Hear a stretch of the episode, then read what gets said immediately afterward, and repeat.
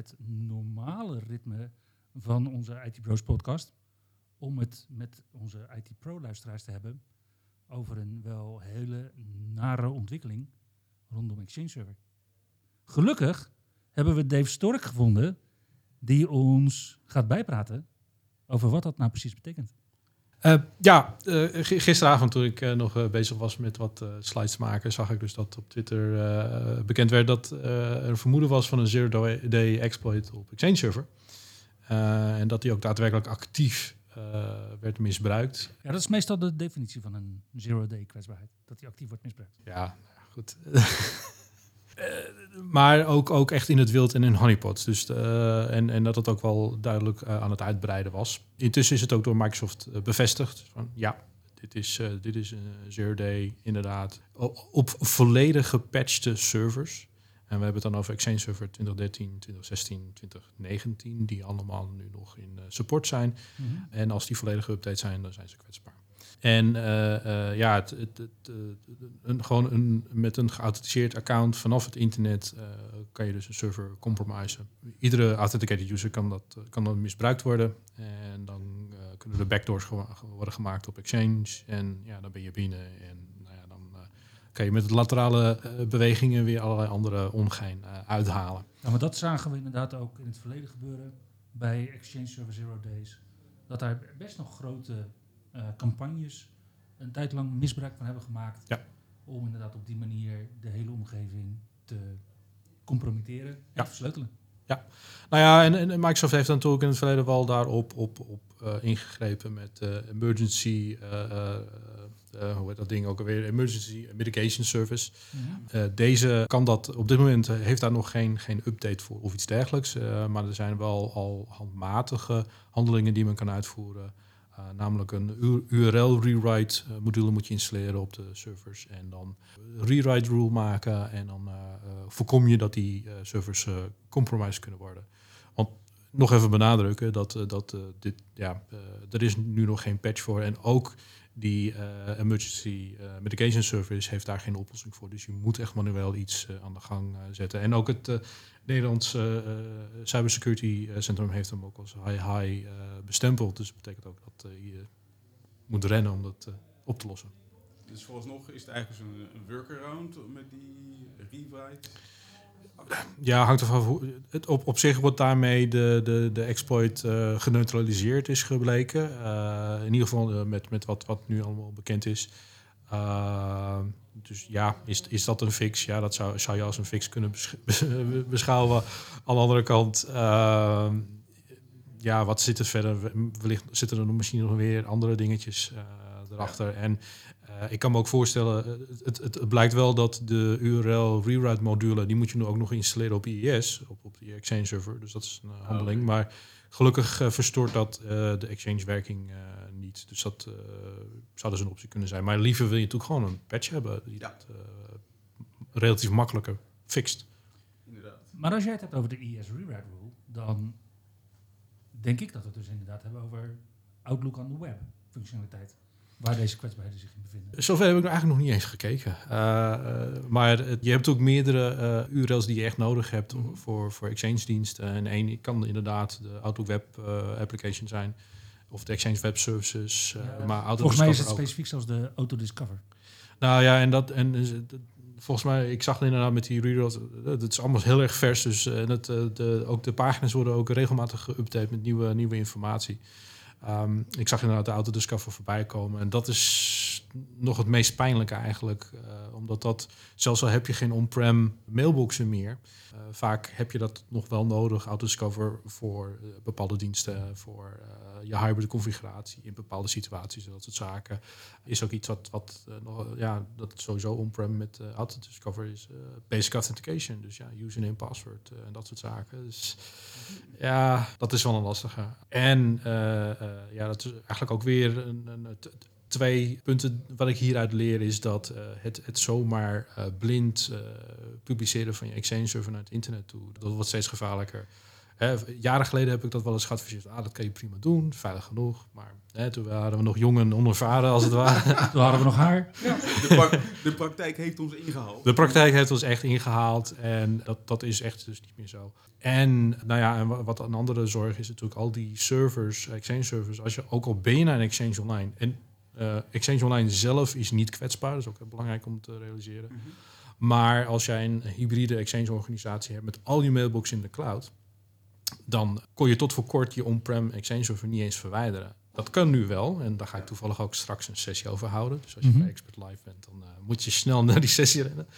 Uh, maar dat, dat wijst weer naar een van die redenen ook eh, dat die mogelijkheid erin is gebouwd. En het is niet een hele charmante oplossing, vind ik zelf. Maar is vanwege de aanvallen die de laatste jaren zijn geweest. Het is een attack service. En dit is wederom weer een, een indicatie dat, je, dat die on-prem Exchange server dat dat gewoon een, een probleem is. En het steeds groter wordt. En ja, dat je eh, als je naar de cloud kan. eh, ja, dan moet je dat echt, zeker met Exchange tussen, is ja, bijna gewoon echt zo van ja, bent echt veel veiliger in eh, Exchange Online als je het hebt over eh, third-party actoren, malafide actoren die, eh, die, die je aanvallen. En wat zou je nu adviseren als organisaties hun Exchange server naar het internet willen publiceren? Een application firewall? Oh, dat is een goede vraag. Nou ja, eerst allereerste vraag. Heb je dat echt nodig?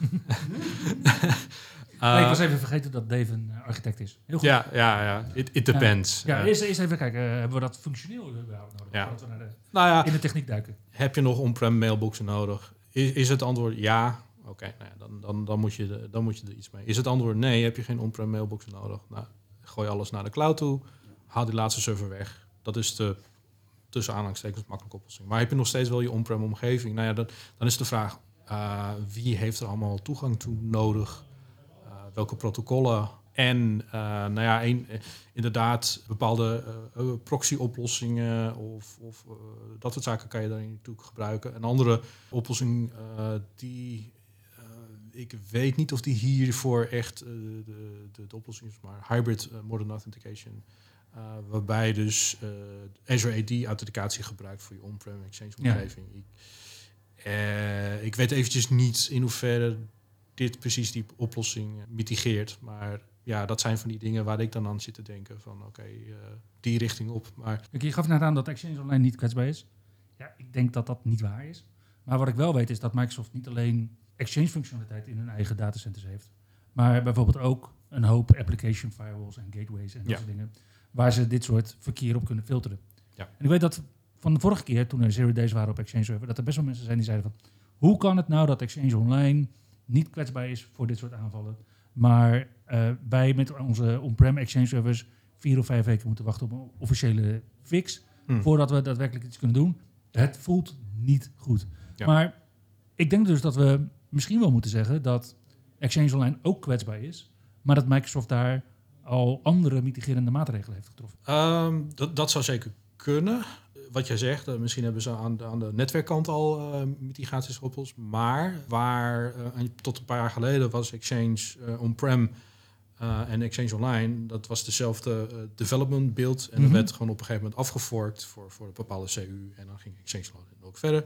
Maar van, eh, en waar ze dus eigenlijk gewoon dezelfde codebase basis, in die zin inderdaad hetzelfde. Dus vanuit die gedachte snap ik die helemaal. Zo van oké, dat is kwetsbaar. Maar eh, intussen zijn het twee verschillende ontwikkelpaden. Dus je hebt echt een dedicated Exchange Server ontwikkelpad en een dedicated Exchange Online wikkel- ontwikkelpad. En zo af en toe worden dan patches en development zaken van Exchange Online naar de on-prem omgeving eh, gepubliceerd. Dus, eh, en dat kan natuurlijk een codebase verschil ver- verklaren en allerlei andere eh, zaken. Maar ik denk dat het voornaamste waar Microsoft aan werkt, is, is inderdaad de netwerkmonitoring. De microsegmentatie van het netwerk, zodat je inderdaad niet met pauze, dat is een van de andere mitigerende maatregelen Ja, die Microsoft nu geeft. Ja. het, het, eh, en ja, zij kennen hun product natuurlijk. Ze bouwen het zelf, ze kennen het product heel erg goed. Eh, ze hebben ook daarmee ook volledig, ze hebben ook volledig controle over hun hei- eigen omgeving. En ze weten dus exact van, oh, dit en dit en dit moeten we wel en wel en wel niet doen. Wat on-prem ofwel lastig is, of men heeft niet de middelen, of et cetera, Ja. et cetera. En, en daar ben je toch in die zin wat beperkter. En dat is dan zie je weer toch ook weer een voordeel van, van uh, SaaS-oplossingen in zekere zin. Ja, eigenlijk zeg je, may the fork be with you. ja. ja, die is leuk. Eigenlijk zeg je dus nu van, ehm, als je nog je Exchange on-prem hebt draaien, is dit wellicht een wake-up call om serieus te kijken. Ga naar online. Ja, en zet, en zet die laatste Exchange even uit. Ja. Want dat is nu, wij hebben het daar de vorige keer ook natuurlijk over gehad, Dave. Ja. Dat is nu mogelijk. Ondersteund. Als je daarbij nog niet dat urgentiegevoel had, dan misschien nu wel. Ja, nou ja, goed. De Nederlandse overheid uh, luistert mee, hoop ik. Die mogen sinds kort mogen ze ook naar online. Ja.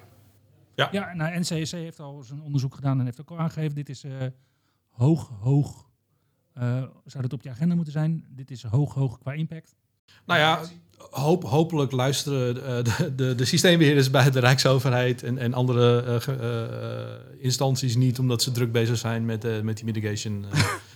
ja, dit is eigenlijk inderdaad de eerste podcast. Dit is natuurlijk de eerste podcast die we er um, tussen voegen, omdat we dit inderdaad een onderwerp vinden wat qua urgentie ja. gewoon moet.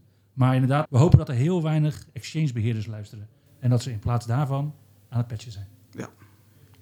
Ja. Of het zijn Exchange Online beheerders. En dan hoefden ze niks te patchen. Ja, die dan lekker onderuit zitten te zakken en uh, inderdaad... Uh, hoe heet, er is een Duits woord voor, geloof ik, hè? Fradescheide. Schadenfreude.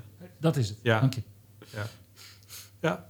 Nou ja, het, het, maar ja, het, het, laat, het laat in die zin weer... Uh, en het, het is niet alleen Exchange, maar het is wat we ieder ook wel eens over hebben gehad. Van ja, waar, waar ga je naartoe? Hè? Blijf je on-prem? Ga je dat Ja. allemaal zelf doen? Ja. Of, uh, of in de cloud en de SaaS-diensten. En ja, inderdaad, die, die cloudbrief uh, naar de Tweede Kamer, dat hè, de Rijksoverheid dat nu eindelijk mag. Hè, tien jaar geleden was er zo van, nee.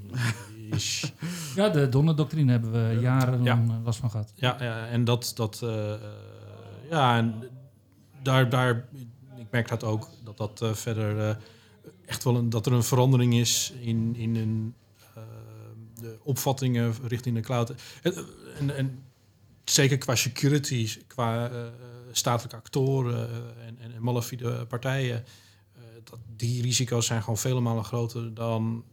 En ik wil niet zeggen dat, dat, dat je daar geen dat je daar niet naar moet kijken, maar, maar naar problemen die Microsoft zou kunnen doen met de informatie die je daar op hun servers opslaat. Mag nog steeds niet alles opslaan, uh, de Nee, Rijksoverheid niet. Maar het is weer een, uh, een, discussie die... nee, eigenlijk in die zin komt dus die, die, die cloudbrief hè, naar de Tweede Kamer. Dat, die komt eigenlijk op een goed moment. Ja, en eigenlijk, dat is ook het gevoel wat ik ineens heb. Want wacht eens eventjes. Dit is weer een Exchange Zero Day vlak voor een groot Microsoft-evenement. Ignite. Ja, het is, het is alsof ze het erom doen, nee. Ja, maar Mac is net, uh, net geweest. Ja, Mac is net geweest. Dat was dat nou de buitenweg de kans dat. Uh, ja, ja, ja. ja. Yep. Hey Dave, dankjewel. Ja, graag gedaan. May the fork be with you. ja, die ga ik onthouden. ja. En tot snel. Yes. Je luisterde naar IT Bros, de wekelijkse podcast over identity, security en de moderne werkplek. Abonneer je op Spotify, iTunes of Google Podcast als je de volgende aflevering niet wilt missen. Heb je hints of tips? Laat dan van je horen op Twitter. @itbrosnl